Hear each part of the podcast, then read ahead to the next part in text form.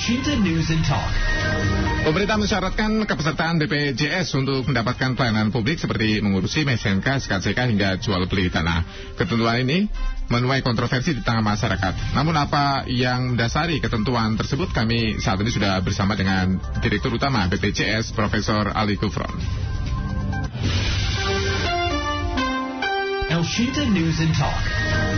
Pak Gufron, kami sudah mengetahui keberadaan uh, instruksi Presiden nomor 1 tahun 2022 yang uh, dimaksudkan untuk mengoptimalisasi manfaat BPJS Kesehatan kepada seluruh masyarakat Indonesia yang sudah ditangani oleh Pak Presiden 6 Januari kemarin dan berlaku per 1 Maret 2022. Namun kami ingin tahu apa pertimbangan persyaratan kepesertaan BPJS dengan administrasi negara yang lain, uh, Prof, uh, Pak Gufron?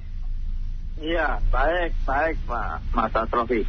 Jadi ini banyak ketidaktahuan atau kesalahpahaman. Jadi begini, bahwa kepesertaan di dalam sistem jaminan sosial nasional itu tahun 2004 dengan Undang-Undang 40 ya sudah dijelaskan wajib. Demikian juga ada PP-nya ya tahun uh, 2013, kemudian ada Perpres 82 tahun 2018 pasal 6 ya. Ini jelas sekali setiap penduduk Indonesia wajib ikut serta dalam program jaminan kesehatan. Nah ini banyak yang tidak tahu gitu. Sehingga instruksi Presiden nomor 1 2022 optimalisasi pelaksanaan program JKN ini memperkuat begitu agar juga selain hak ya, dari masyarakat itu dapat kemudian dilaksanakan mereka terlindungi jika setelah waktu itu jatuh sakit dan jatuh sakit itu tidak diundang ya. Orang tiba-tiba aja sakit gitu. E, makanya orang bijak kan mengatakan health is not everything but without health everything is nothing. Kesehatan bukan apa-apa tapi tanpa kesehatan apa-apa tidak ada artinya. Nah kita ingin dan sudah termasuk di dalam RPJMN rencana pembangunan jangka uh, panjang menengah ya itu yeah. bahwa tahun 2024 98 persen dari penduduk Indonesia itu ya ditargetkan sudah menjadi peserta gitu TKN. Jadi ini memperkuat karena apa? Tahun 2004 ya, uh, 2018, 2013 ya tadi sudah itu sudah diwajibkan. Tapi kan tidak pernah uh, orang sekarang yang tahu. Nah sekarang ini bagusnya mulai sadar, mulai tahu itu harapannya seperti itu. Jadi apa hubungannya dengan administrasi negara yang lain, Prof? Kenapa harus ada syarat itu? Ya, itu kan sudah diatur di dalam peraturan itu termasuk di dalam uh, eh, PP tadi di tahun 2013 memang juga ada gitu. Jadi intinya bahwa uh, presiden itu menginstruksikan kepada 30 kementerian lembaga termasuk gubernur, bupati, wali kota mengambil langkah-langkah sesuai tugas, fungsi, dan kewenangan masing-masing untuk melakukan optimalisasi program JKN. Sehingga seperti di ATR eh, BPN contohnya, di situ untuk katakanlah peralihan hak ya jual beli. Kalau orang beli pasti punya uang, orang jual juga pasti akan dapat uang.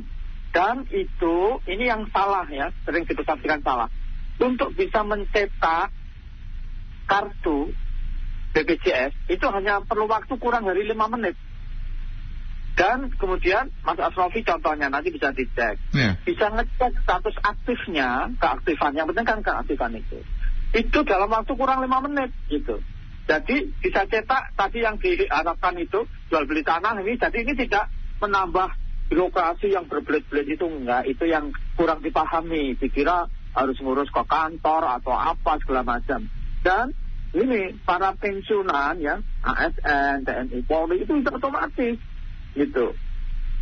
Ini ada itu, beberapa narasi seperti ini Pak Gufron. Uh, ini sejenis ya. seperti upaya pemaksaan negara akan uh, kepesertaan BPJS Kesehatan. Sebenarnya apa sih Pak Gufron? Benar tidak itu nah, pemaksaan? Itu, sekarang kan sudah ada undang-undangnya. Undang-undang 40 tahun 2004 wajib. Itu wajib itu dipaksa apa enggak? Jadi ini kan perlindungan kalau ada orang memang belum sadar ya, belum sadar nggak tahu dia bahwa ini penting bagi dia. Nah makanya ini disadarkan begitu. Apa contohnya ini Pak? Kalau sekarang orang katakanlah nggak pakai masker, dia mau naik sepeda motor, dicegat, diwajibkan pakai eh, ini masker. Kalau enggak nggak boleh naik motor. Itu pemaksaan negara atau bagaimana? Padahal dia kalau nggak pakai bisa kena Pak. Dan kalau dia eh, katakanlah punya infeksi bisa menularkan. Ya, apakah sama dengan sebanding dengan misal eh, mendapatkan hak mendapatkan KTP misal Prof? Ya berbeda. Itu ya, karena ini adalah hak dasar ya, hak fundamental. Hak fundamental dan sudah diatur di dalam undang-undang itu tidak hanya undang-undang ini masuk peraturan pemerintahnya sudah ada perpresnya sudah ada semua sudah ada jadi ini eh, membuat satu bagaimana eh, kementerian lembaga itu lalu bisa mengoptimalkan jadi bisa optimal gitu Jika ada satu eh, keadaan ataupun juga sesuatu yang menyebabkan masyarakat tidak memiliki kepesertaan BPJS misal, tapi dia butuh untuk mendapatkan KTP, maka tidak bisa mendapatkan haknya memiliki KTP sebagai warga negara dong Pak Gufron. Jangan begitu. Ya, itu kan bisa kita bertahap atau apa. Tapi begini, kalau ada warga negara ya yang dia itu bisa bayar ya, ikut peserta dan itu wajib ya, sudah diwajibkan untuk kita benar-benar tolong saling tolong menolong. Untuk kalau kemudian ada sesuatu itu mendapatkan perlindungan ya. Tetapi dia tidak lakukan padahal tidak mampu karena dia tidak tahu atau tidak sadar. Nah sekarang dikasih tahu, disadarkan. Apa itu nggak benar? Kalau benar-benar tidak mampu dan tidak masuk ke kepesertaan yang dibayarkan oleh pemerintah, bagaimana? Nah makanya itu diinstruksikan juga kepada Pemda termasuk eh, kementerian yang mengurusi kalau orang memang berhak ya itu dibayari oleh pemerintah itu ya. Jadi contohnya umpamanya sekarang pemerintah itu mengalokasikan 96,8 juta orang Pak untuk dibayari oleh pemerintah pusat ini baru pemerintah pusat Iya. belum pemerintah daerah. Jadi lapor ke pemerintah daerah, nanti datanya akan dimasukkan ke sebagai penerima bantuan. Iya, iya tentu kalau dia memang seperti yang Mas Asrofi sampaikan. Apakah Ya, 30 orang menit ya. akan bisa masuk datanya, Pak Gufron? Bagaimana? 30 menit bisa masuk ya datanya ke sebagai penerima bantuan. Misal ya, karena memang keadaan tidak mampu. Apakah 30 menit bisa Enggak, masuk ke datanya? kan, iya dia memenuhi syarat apa enggak kan harus dicek dulu. Itu. Harus dia harus dicek Ya. dulu. Sementara KTP-nya membutuh, butuhnya mendesak misal. Keadaannya seperti itu misal Pak Gufron. Enggak, ini jangan misal-misal ya. Nanti dicoba aja ya. Diurus kalau nggak begitu dia kan nggak akan pernah pernah nggak dia akan suatu ketika itu sadar bahwa kartu BPJS itu penting bahwa ikut menjadi dapat pelindungan itu penting. Coba saya mau nanya ke Mas Rofi, di mana kalau Mas Rofi ya punya eh, katakanlah putra ya gitu yang putranya itu katakanlah lo butuh sesuatu yang sangat penting bagi dia tapi dia nggak tahu gitu. Kira-kira Kalau saya akan ikut kepesertaan BPJS, tapi tidak semua orang kemampuan ekonominya seperti saya, Pak. Kita harus tahu Nah, itu. kan sudah saya bilang kalau tidak mampu dibayarin kan sudah jelas. Ya. Apa sulitnya? Sekarang ini contoh pemerintah itu sudah mengalokasikan 96,8 juta ya dibayarin nih mau dibayarin. Tapi kita kekurangan orang pak yang memenuhi syarat ini. Jadi baru sekitar 85 juta sekarang. Iya, nanti saya tanya soal Misalnya- administrasinya ya, apakah bisa secepat itu Iya, misal gitu ya? Iya itu kan tinggal diurus. Apa Pak. inovasinya BPJS untuk bisa mempercepat kepengurusan itu? Mudah-mudahan Oh, nanti ya. Banyak. Nanti Ya, Pak, banyak. ditahan dulu Pak Gufron. Sa sabar Oh, Pak. Gufron ya. Oh, Kita ada warga yang ingin bertanya langsung atau menyampaikan pendapatnya dan Silakan. unek-uneknya. Ada Pak uh, Hengki di. Serang, Banten. Selamat sore Pak Hengki. Silakan. Sore Mas Asrofi. Ya, Pak Hengki, silakan. Pak Gufron. Iya. Eh, kebetulan saya eh, masyarakat biasa yang mengerti tentang pertanahan. Jadi eh, sebelumnya Pak Gufron, saya sangat-sangat apresiasi tentang apa pun yang dilakukan oleh Presiden sekarang, pemerintahan sekarang selama ini ya. Tapi untuk kasus ini, ini sangat-sangat blunder. Dan saya sangat-sangat Eh, Apa alasan Pak Hengki menganggap ini blunder? Gini, Pak, eh, pertanahan dasarnya adalah UUPA, Pak. Di UUPA, kewajiban pemerintah adalah melaksanakan pendaftaran tanah. Jadi, di sana nggak ada embel-embel yang lain dan di salah satu pasalnya disebutkan bahwa kewajiban pemerintah itu adalah melakukan res kadaster, bukan fiskal kadaster. Dengan instruksi ini, instruksi presiden ini, yang saya yakin presiden sendiri nggak begitu paham detail tentang apa yang dimau eh, UPA. Jadi ini sangat-sangat blunder menurut saya. eh Pak, impresi saya di luar belum paham, khusus tentang pertanahan. Tahan dulu Pak Gufron, karena masih ada dua orang lagi. Saya sudah mengerti maksudnya ya Pak Hengki ya. Terima kasih Iya, Pak Hengki. Saya tidak, tidak, kasih, Pak. Iya, saya tidak mengerti ya, maksudnya Pak Hengki blunder itu Soal apa. pelaturan mungkin disebutnya ya, karena kalau berbeda dengan peraturan ada pokoknya. Ditahan dulu tapi Pak Gufron, karena masih ada dua orang lagi nih. Kita ke Bintaro, ada Pak Alen. Selamat sore Pak Alen ya. Saya tampung tadi Pak Hengki. Pak Alen, selamat sore. Selamat sore, Pak Srofi. Iya, Pak Alen, silakan Pak Alen. Pak, Pak Gufron. ya. Ya, Saya sudah dengar dari tadi ya semua yang disampaikan. Itu begini, saya kalau Pak Hengki cerita pengalamannya, saya juga cerita pengalaman. Begini, sebenarnya kita Maaf, saya tanya dulu kepada- pengalamannya. Pengalaman apa? Ini soal apa Pak Alen? Kapan? Ini- ini- kapan dulu ini karena banyak perubahan. Kalau pengalaman bisnis nanti nggak kami tampung Pak Alen soalnya Pak Bukan, Alen. bukan. Pengalaman saya, pembantu rumah saya Ah, pernah jatuh sakit. mm-mm. Oh, Itu soal menggunakan. BPJS berarti ya? Sus, enggak susahnya bukan main tuh, biayanya pun mahal. kapan? Kapan Pak? Ya. Wah itu tahun 2019.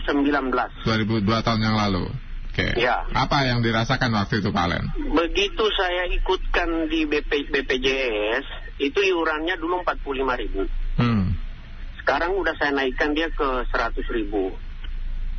Nah, jadi itu luar biasa mudahnya itu. Mau konsultasi pun nggak pernah keluar 5 perak pun, jangan perak 5 sen pun kita nggak keluar. Bahkan biaya perawatan di rumah sakit sampai dengan operasi pun kita nggak di, di, dimintain duit. Luar biasa itu. Ya. Nah harusnya mengenai aturan Dipermudah Ya. gitu. dipermudah banget. Sekarang dulu Oke. dulu dulu kan PPJS kan dipersulit katanya. Ya. Sekarang dipermudah banget sampai ada oh, apa namanya aplikasi JKN-nya itu ada tuh. Kita mau pindah mau pindah pelayanan kesehatan dari puskes yang biasa dekat rumah yang tadinya jauh dari rumah boleh, mau dekat rumah boleh, mau Hmm. tempat kerja boleh, mau di tempat pindah kita yang baru kan sekarang sudah enak Pak Alen, udah simpel kan? Oh, udah enak banget, Pak, enak banget. Dan ini salah satunya di dunia, di negara mana pun nggak ada. Hanya di Indonesia. Dan yang yang yang terutama di sini saya sampaikan bahwa jual beli tanah itu memang tidak ada orang miskin, Pak. Bayangin aja kita dikena potongan dua setengah persen dan lima persen bagi si pembeli dan si penjual dua setengah persen dari harga transaksi. Dibanding dengan kita mau daftar ke BPJS itu cuma 45 ribu, 100 ribu, tergantung golongannya. Sekarang kan udah nggak ada golongan lagi. Ya. Luar biasa murahnya, Pak. Nggak ngerbekin kantong, bahkan biaya hidup kita sehari-hari. Jadi setuju Pak ya jika ini jadi syarat semuanya ya? Iya, luar biasa Pak. Oke, Makanya baik. bagi siapa yang menentang, masyarakat mana pun yang nggak setuju, saya cuma pesankan, jangan mau dibodoh-bodohin. Ya, kita pokok- hormati saja Pak pendapat orang ya, Pak Alen tidak perlu diserang. Diri masing-masing. Gitu. Baik Pak Alen, kita hormati saja pendapat orang Pak Alen ya, tidak perlu menyerang yang lain. Kita ke Cikupa, Pak Ari, halo, selamat sore Pak Ari. Iya, selamat sore Mas. Ya, sore, silakan. Pak Ari, apa yang bisa disampaikan ke Pak Gufron? Iya, saya yang pertama kurang setuju kalau nggak boleh seandainya, karena seandainya itu juga menjadi parameter akan mengeluarkan kebijakan. Kalau kita tidak bisa melihat seandainya, kebijakan kita bisa tidak pas. Yang kedua adalah, ini baru tadi siang, teman saya akan mengurus BPJS Kesehatan. Sudah daftar via online, dari online nggak bisa, dia hubungi kontak center, disuruh datang ke eh, kantor BPJS. yang di Tiga Raksa ya Pak. Pak Iya. Gufron tahu Pak. Kabupaten Tangerang ya, oke. Nah, mungkin Pak Gufron nggak tahu. Kalau tahu Kenapa Pak? Yang di daerah kenapa? Emang ada apa? sampai di sana nggak bisa melayani Pak. Kenapa? Disuruh offline katanya. Offline. Nah, suruh pulang. Bayangin Pak, dari Gading Serpong, macet, satu jam lebih. Ke Tiga Raksa ya. Hmm. Disuruh pulang sia-sia. Itu Gading Nah, Serpong, ini Tiga Raksa jauh loh, Pak, 10 kilo, Gimana, Pak. Bisa Hmm. jadi seandainya. Dari Gading Serpong ke Tiga Raksa, Kabupaten Ya. Tangerang, Pak Gufron. Saya Ya. sudah catat semua ini. Betul. Nah, Di- itu. Kalau tidak cabang, dikasih Tiga Raksa, eh, kantor Tiga Raksa, Kabupaten Tangerang. Ya, BPJS Kesehatan Tiga Raksa, Pak. Ya. Tiga Raksa, tahu, Pak. maaf, maaf. paham ya, Pak Gufron Maaf, ya? Ya. sebentar, Ya. sebentar. Gimana Pak Gufron ada Ya. Pak? Iya, suruh pulang itu suruh apa? Karena Katanya offline nih, katanya Offline, kantor. Pak. Offline, Pak. Suruh pulang offline. Iya, tidak Ya. dilayani karena offline keterangannya. Padahal pada saat daftar via aplikasi disuruh ke kantor karena nggak bisa.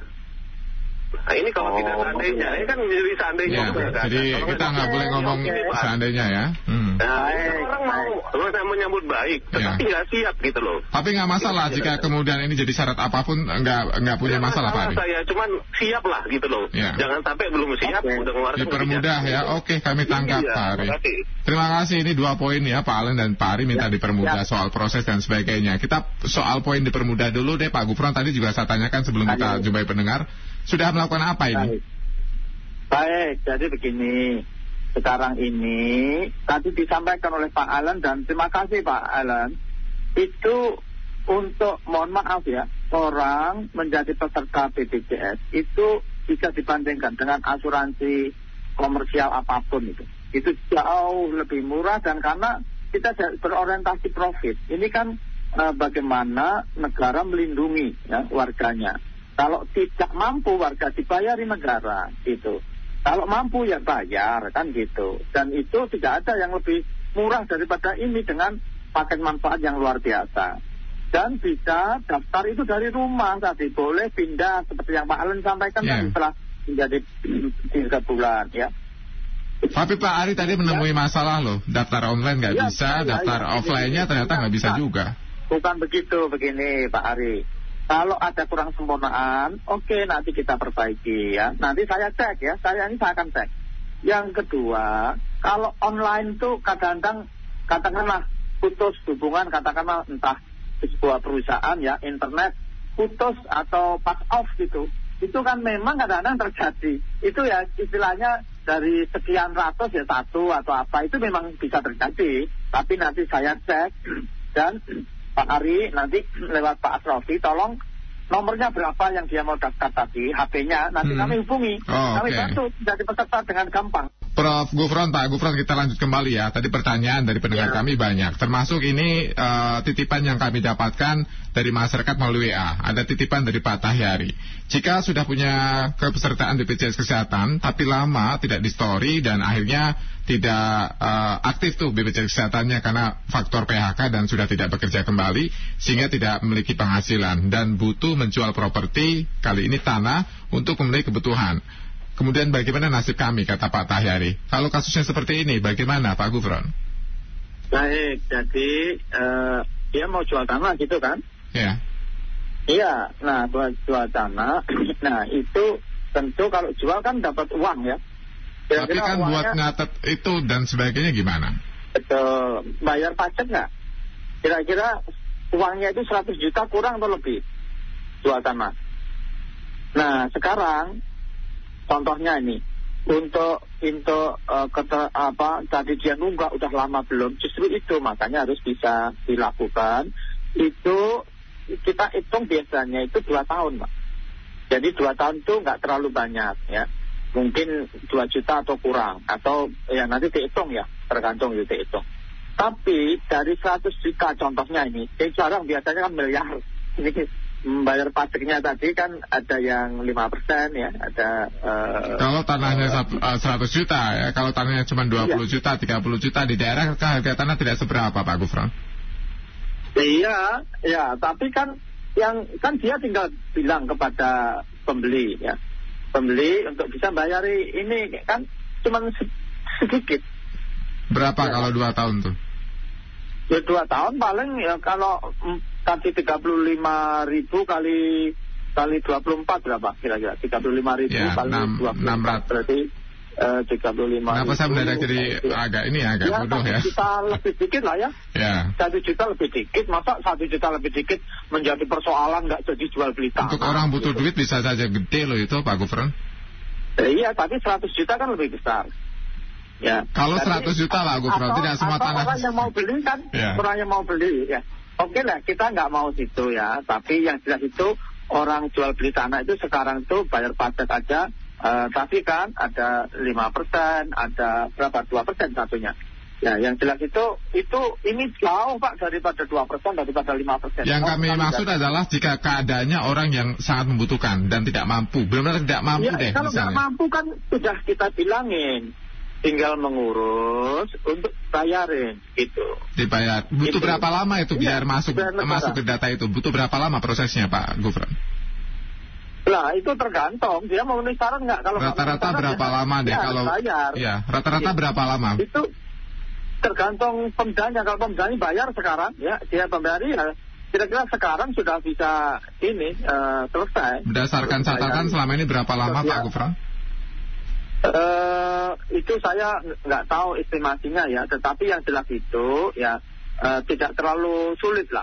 Kalau yang Ya. dicontohkan Bukan soal poin eh, sulit dan tidaknya, tapi berapa lama prosesnya menunggu sampai masuk. Misal ya benar-benar tidak saya mampu itu. belum anu Pak, nanti kita kita survei ya berapa lamanya. Biar kami Tapi tahu, begini, misal butuh KTP mendadak, orang gara-gara nggak punya BPJS Kesehatan, kemudian tidak bisa mencari ya, pekerjaan, enggak, bagaimana? KTP kan belum Pak.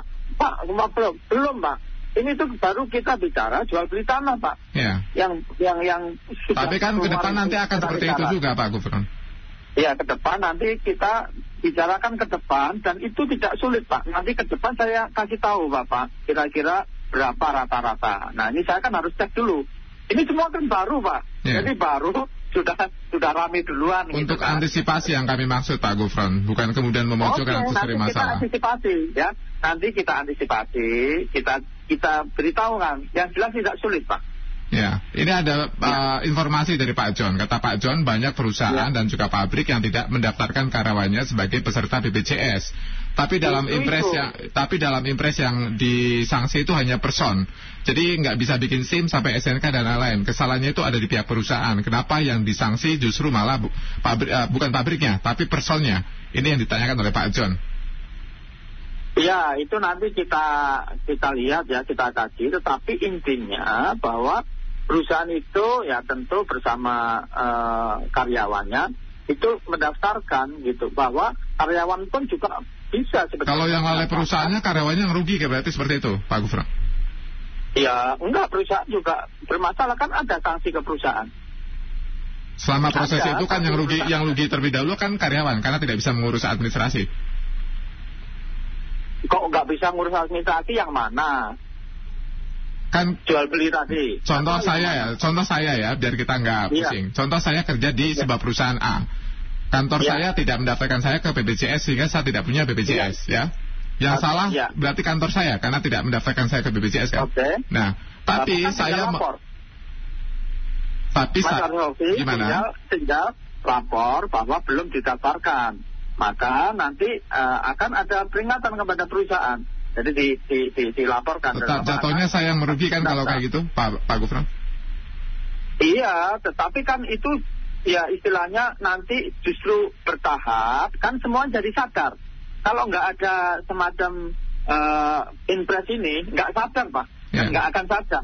Dengan dengan saya melaporkan peserta. tadi, misal karena saya tidak didaftarkan oleh perusahaan, apakah saya masih Ya. bisa ngurus administrasi publik saya? Ya tentu bisa, tentu bisa. Cuman kan akhirnya eh, perlu waktu barangkali kan. Tetapi lama ini kan baru awal. Berikutnya kalau semua perusahaan akhirnya mendaftarkan kan jadi nggak ada masalah toh. Hmm. Tapi Itu artinya kan kan ini, awal-awal saja. artinya kan Awal-awal butuh kenapa inovasi, terjadi? Pak Gufron. Iya, awal-awal terjadi kenapa? Karena perusahaannya masih kucing-kucingan, kan begitu. Tapi nanti setelah ini eh, terimplementasi kan nggak ada kucing-kucingan seperti itu, jadi masalah yang Mas Asrofi sampaikan tidak menjadi masalah lagi. Gimana caranya agar perusahaan tidak kucing-kucingan ke BPJS, Pak Gufron? Itu, itu caranya dikeluarkan instruksi presiden ini bahwa, nah itu harus eh, ditanyakan, ditanyakan kalau ke eh, ngurus karena jual beli tanah tanyakan baru dia eh ternyata penting juga ini punya ya, kan gitu begitu nah lama-lama kalau seperti itu dan semua karyawan tuh pasti tanya mana ya eh, kepercayaan saya ya dan, Ya. ya akhirnya kan nggak ada lagi karena semuanya sudah Jadi ikut. masyarakat harus eh, ikut ambil bagian untuk mengawasi ya perusahaannya, gitu ya Pak Gubernur. Betul sekali, karyawan juga begitu. Dan karyawan itu punya, eh, katakanlah di eh, dewan kita itu eh, semacam representatif ya, representatif dari eh, katakanlah karyawan ya, perusahaan itu ada, ya dia bisa menyampaikan ke katakanlah eh, ya dia punya semacam eh, pimpinannya ya kan ada pimpinan pengusaha, ada pimpinan karyawan atau buruh juga ada kan gitu. Bagaimana jika perusahaannya informal nih? Ini informalnya kan nggak punya struktur ke pemerintah. Bagaimana Pak Gubernur? Iya nggak apa-apa, informal itu kalau dulu kan eh, istilahnya karena informal itu sulit. Nah sekarang dipermudah karena dulu itu harus sesuai UMR. Nah nanti bisa kita lihat ya bahwa di bawah UMR tidak masalah gitu. Ada penyesuaian atau mungkin ada klausul Iya. penghususan? Iya ada penyesuaian, ada peng- pengususan, ada kemudahan gitu. Ya. Termasuk tadi yang nunggak lama itu ya kita punya program gitu ya. Program contohnya ya eh, program kita itu bisa membantu ya eh, mereka menghitungkan sebetulnya kalau katakanlah eh, terlambat empat tahun, nah itu nanti dengan program kita namanya rehab. Rehab itu re- program rencana pembayaran iuran bertahap. Nah itu nanti eh, dihitungkan dalam 12 bulan oh berapa berarti dia harus eh, nyicilnya begitu. Kalau sudah dicicil itu terus aktif gitu. Ini pertanyaan terakhir, tapi menurut kami adalah sektor yang paling penting. Kenapa tidak dibuat masyarakat sadar secara personal untuk mendaftarkan diri ketimbang kemudian ada upaya semisal tadi persyaratan penggunaan BPJS untuk administrasi eh, masyarakat itu, Pak Gufron? Pertama, administrasi ini itu bertahap ya. Jangan dibayangkan terus kemudian stop, oh, nggak bisa mengurus administrasi itu eh, tidak seperti itu. Kedua, saya mau tanya Pak Sofi, kalau untuk edukasi individu-individu itu berapa lama? Kami sudah mengerjakan ini atau paling tidak dari sisi undang-undang ini sudah eh, hampir sudah lebih dari 8 tahun, Pak. Kalau Dan belum sadar juga sadar. 8 tahun ya, Pak. Iya, ini sudah harusnya 2004 sudah diwajibkan. Kalau seperti ini, ini baru sekarang. Ya contoh yang cinta, terus banyak orang bertanya, kenapa seperti ini? Karena ada instruksi tadi. Gitu. Jadi mudah-mudahan masyarakat sadar meskipun kemudian di depan ada ada salah satu kondisi yang dimintakan untuk sebagai syarat gitu ya Pak Gufron ya. Iya, tetapi ini mudah loh ya. Sekali lagi, cetak itu kalau dia memang nanti perusahaan atau apa menjadi peserta, kurang dari tiga menit, Pak. Ya, ini jadi tidak menambah beban atau apa juga enggak ya. Kurang dari menit dia bisa cetak, eh, bisa screenshot, bisa kirim ke emailnya ya mengenai kartu BPJS digital ya. Ya. Tuh. Mudah-mudahan masyarakat terbantu ya Pak Gufron ya karena kami selalu butuh penjelasan Pak Gufron. membantu masyarakat betul ya yang seperti tadi telah disampaikan Pak Allen tadi ya. Ya. Kita lihat saja dulu nanti di depannya kalau ada perubahan pasti juga nanti masyarakat yang penting tidak merugi lah itu yang kami catat ya Pak Gufron. Betul. Terima kasih Pak Gufron tetap sehat Pak Gufron ya. Sama-sama. Sama-sama. Sama-sama. Semangat Pak Gufron. Selamat sore. Ah, selamat sore. Direktur Utama BPJS Profesor Ali Gufron Mukti terima kasih untuk pertanyaan-pertanyaannya. Kalau misalnya ada hal yang perlu kami carikan pertanyaan berkaitan dengan keanggotaan BPJS Anda Anda tidak usah sungkan-sungkan. Anda bisa WA saja atau mungkin nanti telepon akan dicatat oleh staf redaksi. WA-nya ke 0811806543